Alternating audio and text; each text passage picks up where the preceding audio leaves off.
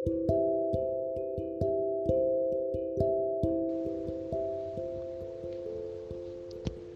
teman-teman, kembali lagi bersama dengan saya Yosua di Renungan Harian Life for God 30 Januari 2022. Mari kita berdoa. Bapak terima kasih untuk hari ini kami bisa mendengarkan firman-Mu sekali lagi.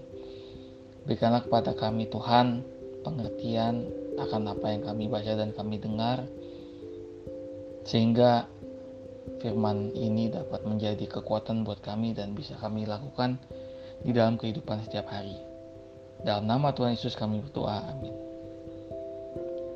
Ibrani 10 ayat 24. Dan marilah kita saling memperhatikan supaya kita saling mendorong dalam kasih dan dalam pekerjaan baik. Teman-teman, Firman Tuhan hari ini mengajarkan kita untuk saling memperhatikan satu sama lainnya. Bukan hal yang mudah di dalam satu komunitas kita bisa saling memperhatikan satu sama lain. Kadang-kadang kita juga bisa mengalami pergesekan, kita bisa mengalami kekecewaan karena mungkin ada orang-orang yang tidak berbuat seperti apa yang kita harapkan atau apa yang kita inginkan. Tetapi di sini firman Tuhan bilang kepada kita supaya kita saling memperhatikan. Kenapa? Supaya kita saling mendorong dalam kasih. Jadi motivasi kita ini adalah kita saling mendorong di dalam kasih dan kasih ini adalah kasih yang berasal daripada Tuhan.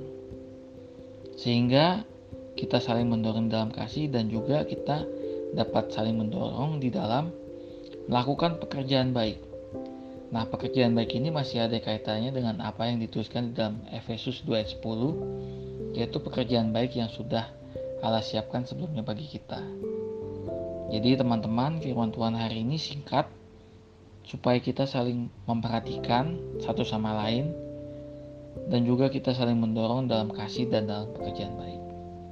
Demikian firman Tuhan yang saya sampaikan pada hari ini, kiranya menjadi berkat untuk kita semua, dan juga mari kita melakukannya di dalam kasih untuk kita saling melayani satu sama lainnya.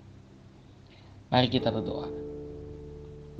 Bapa di surga, ajar kami untuk saling mendorong dalam pekerjaan baik dan juga ajar kami Tuhan untuk saling memperhatikan dengan penuh kasih akan setiap orang yang ada dalam komunitas kami.